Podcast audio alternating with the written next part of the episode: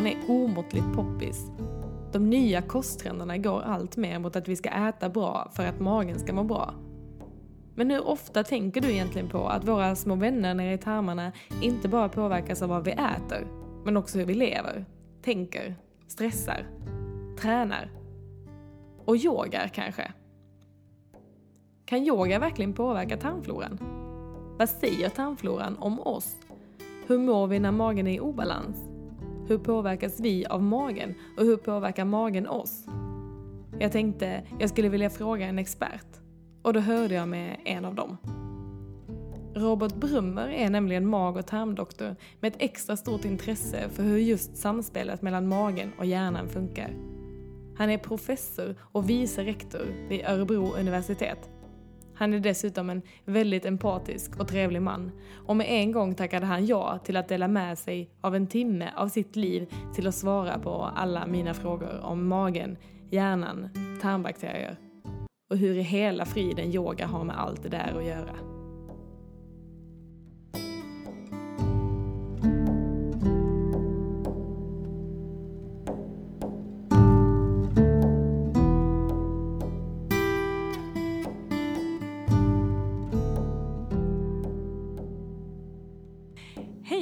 Robert Brummer. Hej hej. Um, du är ju lite av en magguru har jag hört. Men jag vet inte så mycket av vad du gör. Kan inte du berätta lite kort? Nej, jag ser mig själv inte som en guru, men jag jobbar med hur, hur kost och tarmflora och magen och hjärnan hänger ihop, hur det här samspelet är som är ganska komplicerat. Och eh, för att egentligen förbättra maghälsa och till slut också mental hälsa. Så det är vår stora utmaning. Det är min forskningsjobb. Och sen har jag några andra jobb också. Ja. Du är ju professor också. Mm. Eh, vad gör en professor? Ja, en professor gör egentligen de uppdrag som man har på universitetet. Det är egentligen all, tre uppdrag. Man ska utbilda, man ska forska och man ska samverka med andra. Eh, och då tänker man framförallt samverka med typ offentlig sektor och näringsliv. Och det är precis detta som jag gör som mm. professor då.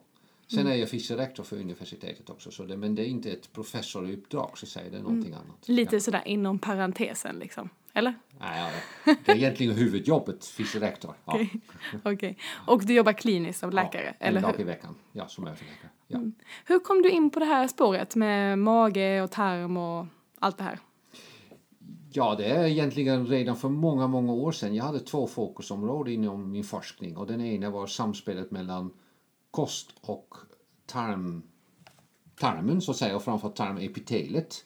Eh, och den andra var hur mage och hjärnan hängde ihop. Mm. Sen var det ganska naturligt att så koppla ihop de här två sakerna så att göra den här axeln lite längre mm. från mat till hjärnan helt mm. enkelt. Ja. Wow. Och det här är ett jätteaktuellt forskningsämne just nu, eller? Så är det, ja. Så jag förstår att du har mycket att göra. Ja, det finns många frågor att besvara. Ja. ja. Man brukar ju kalla magen vår andra hjärna. Mm. Kan inte du berätta någonting om det där? Jag tycker egentligen den är lite felvisande. Mm. Eftersom det är egentligen lite annorlunda. Man kan säga att i magen finns ett nervsystem, eller i hela tarmen ett nervsystem, som, som funkar så att säga som ett litet eget, en egen hjärna, eller om man vill säga så.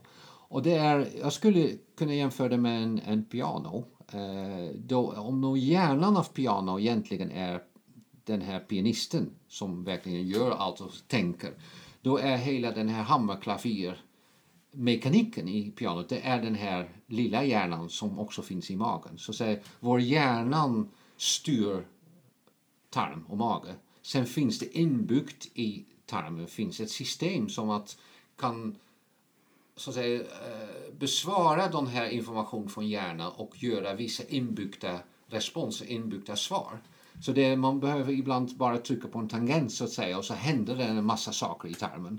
Mm. Och det finns mycket inbyggt så att säga, i nervsystemet i tarmen. Typ att man i magsäcken när man inte har ätit varje tio gånger så att säga i en minut att den, att den, att den sammandrar och alltså att, att peristaltik går neråt och allt sådana saker att man under en period som man inte äter alls och en gång i en och en halv timme så plötsligt så blir det en väldigt stark våg genom hela tarmsystemet. Det här är inbyggt så att säga. Det behöver inte hjärnan tala om för att exakt hur man ska göra det. Precis som en piano. Att man trycker på en tangent och sen finns det inbyggt väldigt mycket. Men magen, man pratar ibland om magkänslan. Ja. Vad, vad är det? Ja, och magkänsla är egentligen förstås det den här gut feeling på engelska och det är, det är mer ett psykologiskt eh, definierat. Sen finns det någonting tvärtom. Magkänsla kan också vara vilken känsla vi har för magen. Hur mycket vi känner ut av magen. Det är också magkänsla. Eh, och det är egentligen mer detta som vi också jobbar med på. Så varför kanske du aldrig tänker på din mage och en annan tänker nästan varannan minut på sin mage och känner hela tiden att det händer någonting i magen och sånt. Eh, det är också magkänsla. Så det är lite på båda sidorna. Ja. Magkänsla använder vi oftast lite som intuition, intuitions på engelska. Va? Så att man intuitivt känner av någonting. Vem tror du är smartast då? Hjärnan eller magen? Ehm, ja, det vet vi inte. De, är, de, de jobbar ihop. Så man kan, om den ena är lite dum, då funkar båda två inte. Så man kan, de, är ett team. Eh, jag brukar, som jag alltid i de här offentliga föreläsningarna också brukar säga att när man nu tänker på det här pianot och, pi- och pianisten, då är egentligen magfunktionen den här musik som kommer från pianot. Och då kan man ha en jättebra piano och man kan ha en jättebra pianist. Men om, de inte, om pianisten inte lyssnar på musik, inte så att säga är i samspelet, då blir musik inte bra. Och så är det med magen. Hjärnan kan vara perfekt i och för sig och magen också. Men när de inte så att säga, har ett bra sammanspel, inte lyssnar på varandra, då blir det ändå pannkaka. Ve- Hur kan man veta att det inte är i balans? Det är svårt att säga, men allmänt om man både upplever magproblem och kanske också lite psykisk ohälsa, då vet man i alla fall att det är någonting fel där. Sen är det så att vet, många magproblem, då spelar ändå psykisk hälsa och stress spelar en roll. Det behövs inte alltid vara huvudorsaken, men det spelar ändå en roll. Kan du ge ett exempel? Ja, typ om vi nu tänker på den här med IBS, Irritable Bowel Syndrome, orolig mage, så finns det, om man, om man mäter, så om man verkligen gör en test och tittar på om man har ångestproblem eller har depression, så ser man i en allmän population med Irritable Bowel Syndrome, IBS, att upp till 30 procent har redan så säga, för depression. Och det, så är det inte i en allmän population, då ligger det på 5 procent. Om man har Crohns sjukdom och ulcerös kolit, då mäter vi upp till 40, även ibland högre än 40 procent som har samtidigt tecken på depression eller ångestproblem. Men det är oftast de här problem eh, uttrycker sig på ett annat sätt. Man är inte nedstämd som, en, som man förväntar sig vid en depression, men oftast örkeslös och inte tar initiativ, för trött, sover för dåligt. Alla de andra symptom som man också ser vid depression. Man brukar ju säga att om vi inte är i balans, eller om inte magen är i balans så är inte vi heller i balans. Nej, ja. Och det är inte så konstigt om man tänker att eh, magen ändå är det s- viktigaste immunorgan eh, organ och allt möjligt. Så den, den är väldigt central. Ja. Ehm, jag, jag läste någonting om, alltså magen påverkar ju mer också vem vi är, kanske hur vi mår och sådär. Att magen är direkt kopplad med limbiska systemet. Är det så? Kan du berätta någonting om det? Alltså Den är- limbiska systemet som då styr mycket av våra känslor kanske. Ja, ja, man... Direkt kopplat eller inte direkt kopplat. Man kan säga att ja, magen är förstås kopplad till hjärna. Eh, och vad vi har kommit fram till i vår forskning när vi använder magnetkamera är att om det emotionella centra i hjärnan är aktiverade då kan hjärnan inte filtrera bort signalerna från magen längre. Nu säger jag det på ett lite mer allmänt sätt, så att säga, inte så vetenskapligt, men för att förklara det. Jättebra. Förklara mer. Ja, så det, det, egentligen konsekvensen av detta är att man känner av mycket mer av magen. Normalt så säger jag, trycker man bort, hjärnan trycker bort de här signalerna så att man inte är medveten om magen så mycket. Men när man just aktiverar de här emotionella centra så hinner de inte med att göra det. Så har vi förklarat i alla fall våra resultat.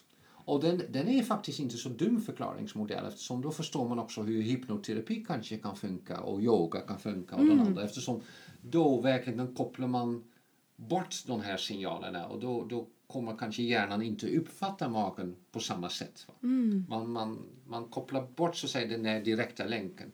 Man kanske lugnar ner de här emotionella centra och då kan hjärnan plötsligt filtrera ner eller trycka ner de här signalerna från magen. Wow. Vad kan det vara för signaler? det, man måste tänka sig att, att typ om du har nu mycket diarré eller mycket uppblåsthet då skapar det väldigt mycket obehag och då, det är stress. Så om du bara känner av lite i magen och tänker ah, men nu, nu börjar den igen och nu, nu blir jag uppblåst och sånt. Så skapar det obehag och det kommer att aktivera dina emotionella centra i hjärnan. Och det blir den, nästan en sån här viciös sån här ond cirkel eftersom då kan hjärnan inte trycka bort de här signalerna längre. Och den, då förstår man också hur den hänger ihop. Mm. Så det kanske inte är en direkt effekt av en, direkt signal från hjärnan till det emotionella systemet men ändå den här oro som man får och den ja, obehag har en effektsystem. Vad tror du är hönan och ägget då? Om man pratar IBS och ångest till exempel eller eh, andra mag och tarmsjukdomar och depression och så. Att det ofta hänger ihop. Vad Ja. tror du är hönan och ägget? Går det att säga eller? Nej, jag tycker det är totalt ointressant. Eftersom det går inte, eftersom de två så att säga, signalerna går upp och ner. Så om någonstans det händer så påverkar det båda sidorna. Så man kommer aldrig fram, det, det är egentligen en ganska onyttig diskussion. Den leder inte till någon typ av, ja, det skapar inte någon lösning. Eh, I och med att, ja, det, ja det, jag tycker den, den, eh, den bidrar inte till någon, någon, någon effekt så att säga. Men spelar det då någon roll vil- vad vi går in och behandlar? Om man går in och gör eh, behandlingar fokuserade på magen eller då mer beteende, hjärnan? Oftast behövs det båda två. Va? Så det, det går inte med bara en sida. Så att säga. Eftersom man har redan, om det här om en, så att säga, en process har kommit igång som negativt påverkar, då påverkar det negativt hjärnan och magen. Och då är det kanske inte så effektivt att bara försöka sen behandla magen eller bara behandla hjärnan. Det är klart vi gör det ibland, men det kanske är effektivast att göra båda två. Eftersom man har en förändring i, på båda sidorna. Och det, någonstans har det kanske börjat på en sida men det, det spelar egentligen ingen roll för behandlingen. Det, det är samma om du, om du eh, ramlar från en... Ja, det kanske är fel men, men man kan försöka förklara saker men det hjälper inte i behandlingen. Eh, om, du går, om du ramlar från en, en trappsteg och bryter benet och då skulle ortopeden kunna säga ja men det var inte så konstigt, jag har ramlat. Ja, då bryter man benet. Ja, men då blir du inte nöjd. Du vill ha en behandling, eller hur? Så förklaringen kanske inte säger så mycket. Intressant. Ehm, och sen tarmbakterier då. Vi pratade lite kort om det innan vi satte på den här eh, inspelningen. Det är ju hur stort som helst och för någon som är helt novis i det här och bara hör tarmbakterier, hur viktiga är de för vår hälsa egentligen? Det, ja, det, det, skulle vi veta detta så hade vi väl den här miljonsfråga. Men den, absolut är den viktigt. Och det vet vi, när vi har en riktigt rubbad tarmflora så mår vi inte bra. Så det, den är absolut viktigt för vår hälsa. Och den är också viktigt för att undvika inflammationer. Inte bara i tarmen men också i hela kroppen. Eftersom får man en liten inflammation i tarmen så påverkar detta hela kroppen negativt. Eh, och det är en av de här sakerna hur tarmflora och tarmhälsa påverkar vår psykisk hälsa. Är att när vi har en, en inflammatorisk process i, i kroppen då, då kommer vi inte optimalt att ehm, sätta, omsätta tryptofan till serotonin. Så den, den, den kommer egentligen att skyndas bort till andra metaboliter och då får vi mindre serotonin och då får vi exakt detta som vi vet när vi har en depression att oftast är det på grund delvis av en lägre serotonär aktivitet. Ja. För Så det- serotonin är vårt lyckohormon, så att Ja, säga. Eller typ. någonting som gör det. det Det har- är kopplat till välbefinnande. Ja, det kan man säga till väldigt många processer, även vår dygnrytm och allt möjligt. Va? Så det, den är väldigt centralt. Och den här processen från hur serotonin tillverkas, så att säga, både i, i hjärnan men också i magen, den påverkas av inflammation. Så på det viset har den en negativ effekt. Och därför är det inte så konstigt att människor som har en pågående lite mer kronisk inflammation har en mycket högre risk att få en depression eller ångestsymptom också. Och det vet vi. Wow, det här är så spännande. Men, men å- återigen här, vad är hönan och vad är ägget? För en rubbad tarmflora leder till mer inflammation. Eller är det mer inflammation som leder till en rubbad tarmflora? Eller det, det, det vet vi inte. Nej, men jag, det, båda är möjliga. Så att säga, man kan ha en, rubbat, en riktigt rubbad tarmflora och sen få eh, lite mer inflammation. Men jag tror den andra är viktiga. Så att, att, man har, att det börjar vid en inflammation. Och men sen, det är ett, ja, det kan vara på grund av ett, ett, ja, en, en delvis kort, så att säga, man kan få eh, felaktiga bakterier i sig och en liten inflammation. Och sen beror det på hur kroppen hanterar det immunsystemet. Eh, därför är det så komplicerat eftersom har man en väldigt bra immunsystem då kan det hantera sådana saker. Har man ett immunsystem som inte har mognat rätt ja, då kan den, inte, kan den överreagera och det är ett problem. Om man då överreagerar så får man en inflammatorisk en inflammation helt enkelt som inte går bort. Precis som en allergi är en överreaktion mot något som man får i sig. Eh, så kan man också få den här typen av inflammatoriska processer. Jag tycker man ofta hör det här fenomenet leaky gut, alltså läckande tarm. Ja. Eh, och det ska vara kopplat till gluten bland annat. Men vad, eh, vad är leaky gut?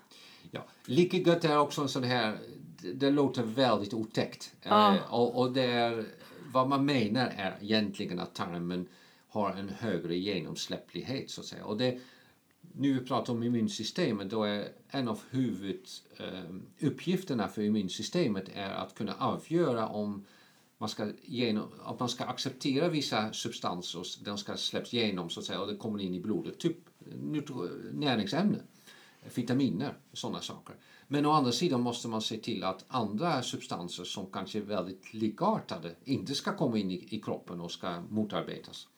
Eh, och det gör immunsystemet. Och när den här genomsläpplighet ökar då kommer så att säga vissa produkter, vissa bakterieprodukter kommer in i kroppen, kommer in i, i den blodcirkulationen som egentligen inte ska hända. Och just även i tarm, redan i tarmslemhinnan, i epiteliet, kommer detta att, att ge en immunreaktion. Eh, och detta är i och för sig negativt eftersom då kan genomsläpplighet öka. Eh, och det är den här typ leaky gut så att säga. Och det ser man vid vissa inflammationer, det ser man väldigt uttalat med eh, celiaki. Eh, då är det väldigt uttalat så att Alltså säga. gluten, intolerans. Nej, inte glutenintolerans eftersom men det är celiaki är en sjukdom så att säga. Då har man verkligen en reaktion mot gluten. Glutenintolerans är en liten en annan grej. Det, det kan vi prata om en timme också. eh, då har man egentligen besvär men man ser inte någon riktigt så att säga i, i tarmslemhinnan ser man inte riktigt någon effekt. Nu vet vi att det är lite mer nuanserat, att man tittar väldigt noggrant kanske man ser ändå en effekt. Ehm, men Eh, Och sen kan typ de här eh, vad heter de smärtstillande som Ipren och sånt kan också ge en ökat. Väldigt många eh, läkemedel kan ge en ökad genomsläpplighet. Per, permeabilitet heter det i, i finspråk. Ehm, och sjukdomar som, som är förknippade med mycket feber och sånt kan också ge en, en sån här leaky gut. Så det finns väldigt mycket som kan göra Wow. detta. Ja. Och jag läste, sprang på det i en stressforsknings eh, ja, sammanhang att också kortisol kunde påverka det här med eh, genomsläppligheten i tarmen, alltså leaky gut. Ja, och det är en intressant grej. Så att säga, det, det vi vet att kronisk stress sannolikt kan, kan ge den här lik, lika en ökad genomsläpplighet. Ehm, det, finns, det finns belägg för. Vi vet inte om akut stress gör det. Eh, jag menar kronisk stress är just de som har i veckorna så att säga en ökad stressnivå. Så för att kunna bevisa detta, eller vi är intresserade av det, så gör vi nu faktiskt ett projekt eh, som kommer igång nu. Vi har godkännande för detta. Eh, och det gör vi med de, vi kallar för skydiving-projekt. Så d- då mäter vi tarmgenomsläpp, så det är det permeabiliteten, före och efter man eh, gör sin första eller andra eh, fallskärmshopp. Och då är man Okej, riktigt stressad. På riktigt? Ja, då är man riktigt Man stressad. använder det som ett stresstest Ja, alltså? Oj! Det finns andra som har använt typ en, en examination och sådana saker men det är så olika som hur man upplever detta. Det, och det, det kan vara svårare så vi tycker att vi vill göra det ultimata testet och det vi tror att de flesta är rätt så stressade. Wow. Hur gör man för att komma med i ett sånt projekt då? Ja, det, vi rekryterar inte de för projektet så eftersom det skulle vara oetiskt men de som har redan skrivit in sig för en sån här fallskärm de blir erbjuden att vara med i projektet. Wow. Ja. Spännande. Det finns så många häftiga studier. Ja, det finns det. det här, och det här kommer säkert att komma in i, i media sen när vi är färdiga med den, det tror vi. Ja. Ja. Ni har inte gjort en teststudie på möss, eller? Nej, vi eh, jobbar inte med provdjur. Nej, Nej. Nej. Det kanske skulle vara oetiskt att låta dem hoppa fallskärm. Ja, ja, men man kan göra andra. Men, nej, man gör sådana tester, den här vattenbadtest som man gör vid, vid, med provdjur. Va? Att de har, får en känsla att de drunknar. Eh, det tycker jag inte är så kul. Nej. Men om vi går tillbaka till like gut, liksom. vad, händer, vad händer i kroppen när vi har en eh, läckande tarm? Väldigt mycket eftersom då får man en, en påslag av immunsystemet och det, då är det hur kan immunsystemet hantera detta? Kanske blir det en överreaktion eller för lite reaktion. Sen kommer det en, en del substanser in i kroppen som inte ska komma in. Eh, och det kan ge att man får en, i värsta fall kan man få feber eller sådana saker. Men det viktigaste är att man, man får en immunstimulans, man får också en delvis en nervinflammation lokalt eh, i tarmen. En lite sådär inflammation där kring nervsystemet. Det kommer att påverka signalerna till det autonoma nervsystemet och på det viset hjärnan. Så det är väldigt mycket som händer. Och till slut, så, eller till slut, en av effekterna är att man kommer att sänka serotonärk aktivitet. Både i tarmen och i hjärnan. Och gör då att man får mer, eh, att det det är högre risk att komma få så det är typ depression och sådana saker. Ja. Intressant. Ja. Men tarmfloran också... Och sen, sen glömde jag att det har också metabola effekter. Så det här om man kan få en, en, en uh, insulinskänslighet kan gå ner och sådana saker. Ah, Okej, vad händer när insulinkänsligheten går ner? Ja, då kan man, en av sakerna är att man kan använda sina aminosyror sämre för, protein, för muskelbyggandet och an, så att säga, bygga proteiner i kroppen. Eh, sockervärdena går upp, allt sådana saker. Ja. Eh, Men det här med tarmfloran, igen, att den kan också vara ganska kopplad till vårt beteende, va? Eller? Nu kommer studier som visar så här, ja men byt tarmflora och eh, må bättre, eller byt tarmflora och gå ner i vikt, typ. Ehm, och att tarmfloran kan vara kopplad till ja, men beteende och motivation, som vi också pratade om innan. Eh, där såg jag en rolig studie med möss. Eh, där man bytte tarmflora och så såg man att mössen var mer, mindre deprimerade. Är det så? Eller vad, vad kan du säga om det här? Så säga, de här djurstudier är ganska, ja vad kan man säga, inte övertygande men de, de, är, de visar väldigt mycket en effekt av tarmflora på beteendet och psyke och sånt. Däremot har vi hos människa inte exakt samma evidens eller bevis inte alls. Delvis är det, de, de flesta studier är korrelationsstudier. Så man tittar på människor som har ett en avvikande beteende eller psyk, eh, psykisk hälsa eller psykiskt välbefinnande. Och så, så tittar man på tarmflora. Och så ser man någon skillnad. Men det vill inte säga att, att det är tarmflora som är orsak till detta. Det kan också vara att du har ett annan eh, matbeteende, du har, du har ett an- annat matintag och kostintag och du har en annan, ja, du, du äter annorlunda eller du, eh, din fysiska aktivitet blir annorlunda eller något annat. Så det, fin- det kan också vara att, att, att det var redan annorlunda från början. Så det, De här korrelationsstudierna är för mig inte så där särskilt övertygande. Eh, sen är det klart att att vill man påverka tarmen, tarmflora, då måste man, om man vill göra det på ett starkt sätt, antingen antibiotika eller en fekaltransplantation eller probiotika. Om fekaltransplantation, alltså bajstransplantation. Ja, precis. Det kallar vi då för fekal. Ja, men precis, avföringstransplantation brukar vi säga. Ja, precis. Och, och det är ganska radikala förändringar som inte är helt ofarliga. Så det gör man inte så lätt utan att man har evidens att det kan ha en effekt. Så där behövs absolut mycket mer forskning. Och det, typ ADHD har varit väldigt aktuellt. Är det någon annan tarmflora? Autism är väldigt aktuellt. Men ja, det behövs absolut mer forskning. Och de här resultaten vi såg för några år sedan, de kan oftast också vara påverkat av den metoden som man har använt och så. Så det är inte lika robust som vi trodde då. Va? Så man ska vara lite försiktig med de här resultaten. Och djurstudien, djur är så helt annorlunda än människor. De här djuren är genetiskt oftast identiska. De äter så att säga exakt detta som de får. De har en helt så att säga ett annan, annan livsstil kan man säga. Va? Det är helt annan standard, helt annat standardiserat än människor. Så det, det är svårt att översätta de här studierna. För det man hade sett i den här studien det var att möss som, de ville inte simma framåt i en bassäng och det tolkar man som att de var deprimerade då. Och då fick de en ny tarmflora Ja. och då blev de helt plötsligt mer motiverade. Ja, ja, ja. Eller man kan också säga att de simmade lite längre. Ja, kanske de fick ont i tarmen. Ja. Men jag menar, man kan inte fråga dem. Nej. Det finns så mycket annat också. Så det, man ska vara väldigt försiktig med tolkning av de här djurstudierna. Ja. Okej. Och jag vet att, att, att typ probiotika som har funkat väldigt bra i djur har inte alls funkat i människa. Så man ska vara lite försiktig. Ja. Okej. Mm. För, och det är, många, det är många bakterier vi måste analysera när vi analyserar tarmfloran. Ja, det är, man kan väl säga över tusen olika typer av bakterier. Eh, och då är det ofta så att man säger ja men jag har mycket av den här bakterien, eller ska ha mindre av den eller mer och sånt. Sen är det så att, att inte varje bakterie står för en funktion, så att säga. det är he helheten. Man kan ha två olika ekosystem som ändå har samma funktion. Trots att det är andra bakterier och andra mängder. Så det är inte heller så att man kan bara säga ja men det här Akkermansia bakterier ska jag ha väldigt högt och den här ska jag ha väldigt lågt eller den subtyp av en Clostridium eller någonting. Det är inte med säkerhet att det är så. Det kan hända att du har andra bakterier som tar över den här funktionen eh, som du inte vet om.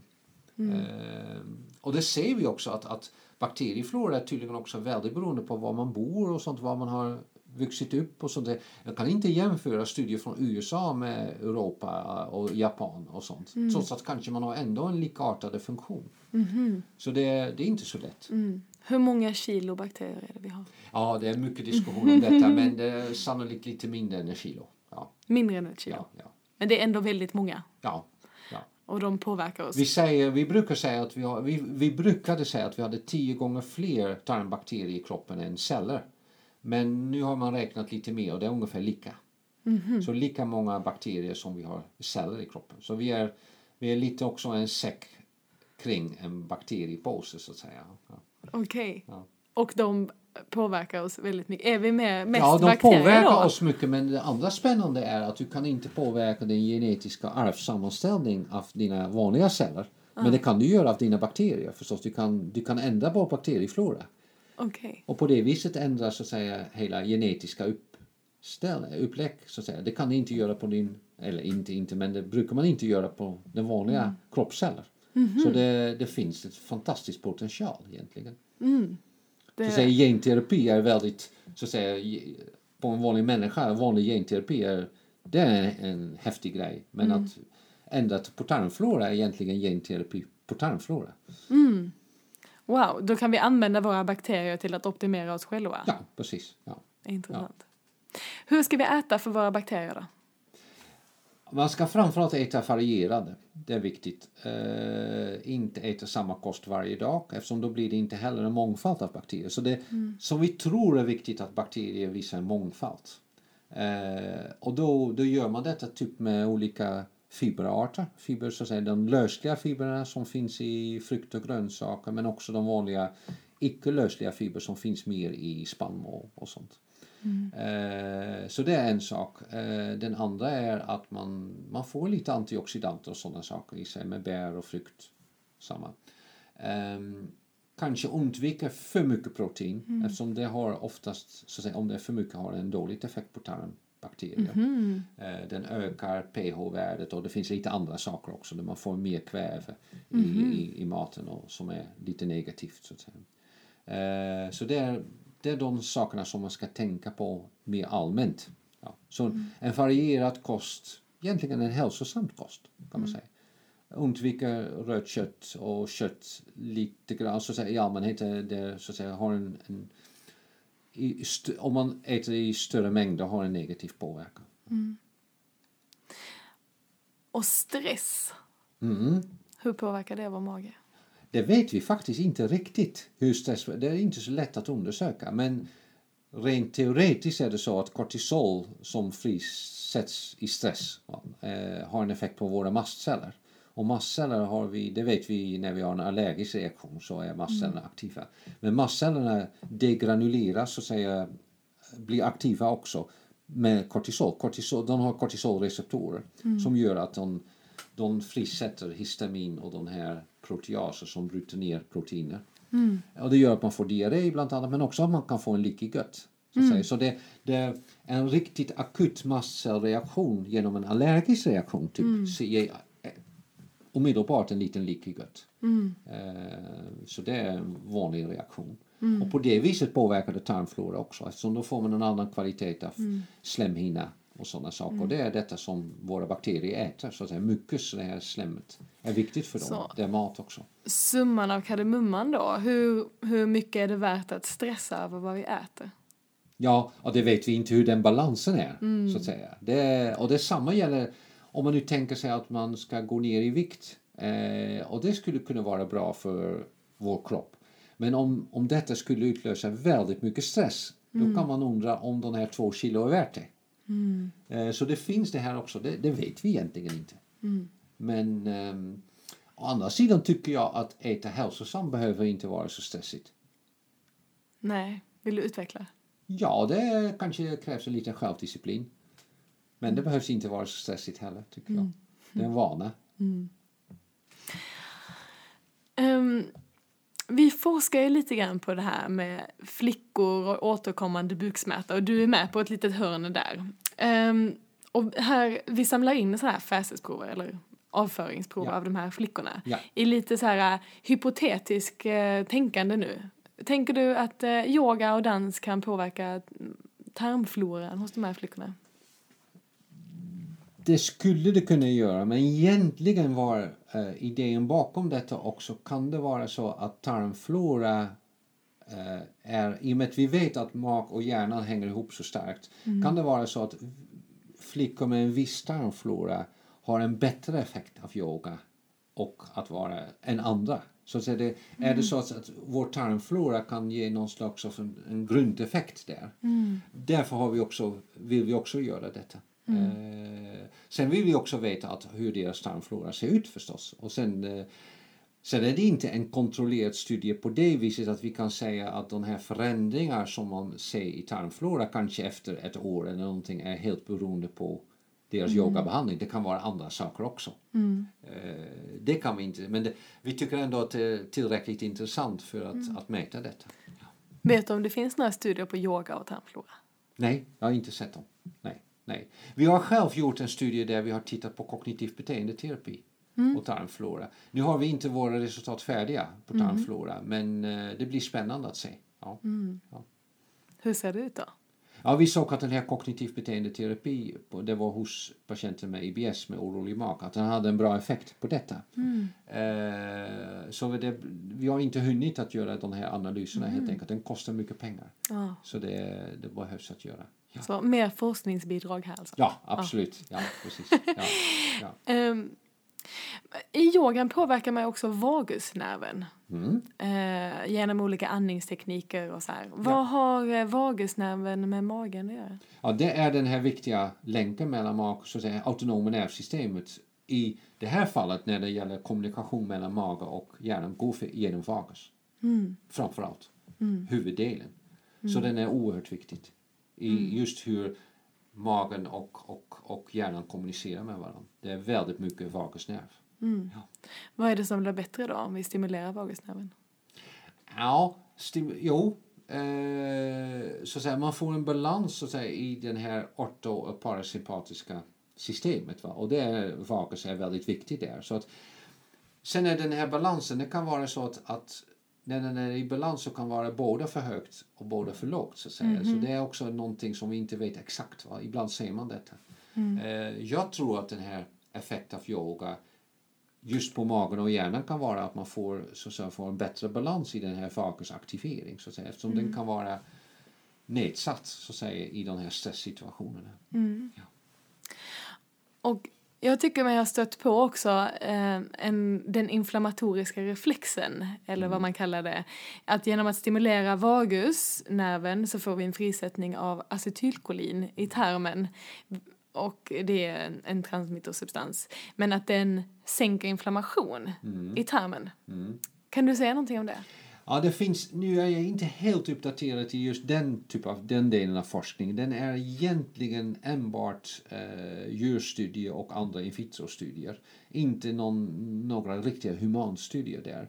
Men det är som du säger, det är en, en tanke att eh, delvis genom acetylkolin att i alla fall nervsvaga stimulering neråt, så att säga från hjärnan till, till tarmen, så den som vi kallar för efferent stimulering, att den har en inflammationsdämpande effekt. Ja. Eh, och sen pratar vi om lite vilka receptorer är inblandade i detta, men det finns absolut djurstudier som har visat detta och man har också klippt vagusnerven för att se om den är en vaguseffekt. Vad händer då? Och då ser man att den här, sist, att den här effekten är borta. Ja. Så Okej. det kan vara ett bevis på att, eh, och det är framförallt kanadensiska studier som har gjort det. Wow. Ja. Massa information. Men det är egentligen inte så konstigt att, att tror att de här sakerna kan påverka inflammation. Va? Att man är mer lugn och, och att, att det har en dämpande effekt för inflammation. Det är egentligen inte så märkligt tycker jag. Nej. Nej. Och återigen då, om vi är i mental balans, att eh, magen också är i balans då kanske. Ja, Om man ska det förenkla blir, det hela. det blir en effekt. ja. Ja, precis. Massa bra information, Robert. Men om vi ska så här, sammanfatta det här då. Magen och hjärnan. Mm. Vad är det som är så viktigt? Ja, utan en, en välfunktionerande hjärna funkar inte magen och utan en välfunktionerande mage funkar inte hjärnan. Så den här team, det är teamspel helt enkelt. Det ska funka båda två. Och man kan hjälpa varandra så att säga genom att hjälpa hjärnan hjälper man magen och genom att hjälpa magen hjälper man hjärnan. Så det, därför är det viktigt helt enkelt. Och vilka är dina bästa tips för att hamna i balans? Ja, för eh, allmänt skulle jag säga, min, jag vet inte om det är en bra tips, men jag tycker att det är en hel, så att säga, man ska inte bara fokusera på mat och sådana saker, man ska fokusera på hela livsstilen, så att säga. Och då är typ naturligt fysisk aktivitet, så jag försöker blanda in dem i den vanliga aktiviteten. Va? Det är lite märkligt att åka buss till en, fit, en, gym eller någonting. Varför ska man inte cykla och sådana saker? Jag tycker det är märkligt att jag ser många fler cyklar på sommaren än på vintern. Man kan lika väl cykla på vintern också. Varför ska man åka buss när man kan åka cykel? Sådana saker. Ta trappor istället för hiss. Och det finns massa saker som man kan göra. Det är en sak så att säga. Och sen anpassa sin, ja, sin, sin kostvanor till någorlunda hälsosamma. Jag ser fortfarande kring mig att det är inte alltid så hälsosamt. Och det är mycket av detta som vi äter i restauranger är förstås för gjort för att det smakar så gott som möjligt. Man har inte tänkt så mycket på hur hälsam, hälsosamt det är. Det, den möjligheten har vi mer hemma. Men jag skulle önska att man på restaurang och matsal skulle kunna äta mer hälsosam kost. Ja. Men det kan man också välja. Man kan vara lite noggrann med vad man väljer. Så jag har ingen sådär super kul tips att säga. Det är, det är det vanliga kan man säga. Det är tråkigt helt enkelt. Ja, Vad ska vi äta mer av då? ja det är framförallt grönsaker. Eh, vi ska inte glömma, tycker jag, kokta grönsaker heller. Vi äter väldigt mycket sån här sallad och sånt. Och vi glömmer ibland lite de här kokta grönsaker. Då får man in väldigt mycket grönsaker plötsligt. Eh, utan problem. Och vissa blir typ morötter blir nästan mer nyttiga när man har kokta än, än råa. Eh, så frukt och grönsaker, men frukt inte alldeles för mycket eftersom det är oftast mycket socker i frukt också. Så grönsaker är på det viset faktiskt bättre. Eh, så det ska vi äta och bär och sådana saker. Eh, ja. Och vad ska vi äta mindre av? Ja, jag tycker, själv tycker jag att man ska undvika för mycket rött kött. Eh, Men framförallt ska man undvika processat mat eftersom då vet man oftast inte vad det, hur det påverkar kroppen. Och det, det finns mycket epidemiologisk anledning till att, att den här riktigt processade produkter inte är så bra för, för, för hälsan. Eh, Så det ska vi väl, eh, vi ska äta lite mer naturligt helt enkelt. Ja. Och varför inte? Eh, Vi behöver inte äta så mycket salt heller. Det är onödigt. onödigt. Och magen speglar alltså hur vi mår. Så att när eh, eh, magen är i balans så får vi mer serotonin och då kan vi också må bättre. Ja. ja. Kan vi också tänka oss till en bättre maghälsa tror du? Ja, absolut tror jag att det har en effekt. Om vi kan så att säga, om vi har inte alls en bra mag- maghälsa så tror jag inte att det är tillräckligt starkt att bara tänka sig till det. Det är inte alltid möjligt men det har absolut en, en det påverkar. Absolut, ja. ja.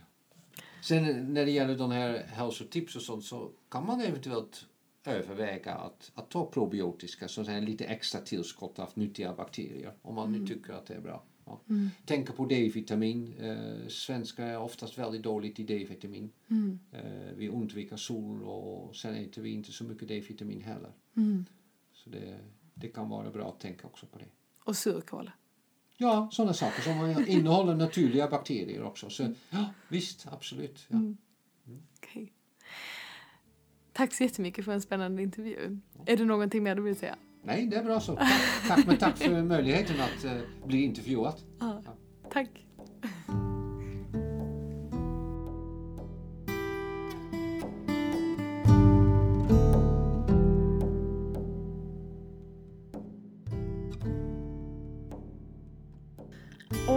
Herregud vilken intervju och herregud vad mycket information som kan rymmas på en timme. Jag hoppas att ni hängde med, annars så får ni ta och lyssna på det här avsnittet igen och kanske en gång till.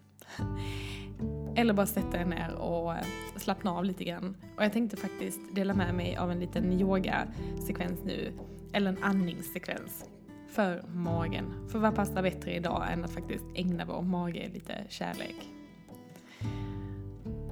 Och vi kan faktiskt påverka vår mage bara med vårt andetag. Så eh, ta och sätt dig eller lägg dig ner bekvämt och skicka lite fokus till din mage. Och så kan du bara sluta dina ögon och ta ett sånt där riktigt långt djupt andetag hela vägen ner i magen.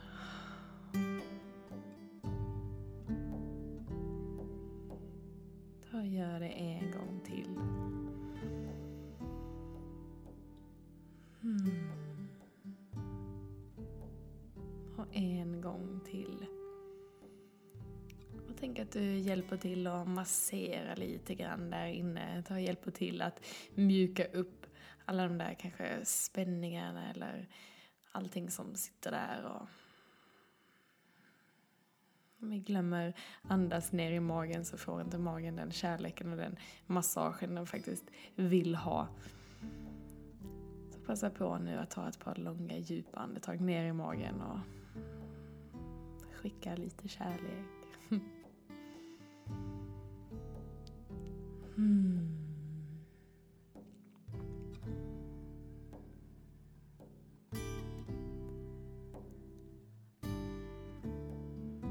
Du kan sitta kvar och göra det en liten stund eller så sakta börja komma tillbaka.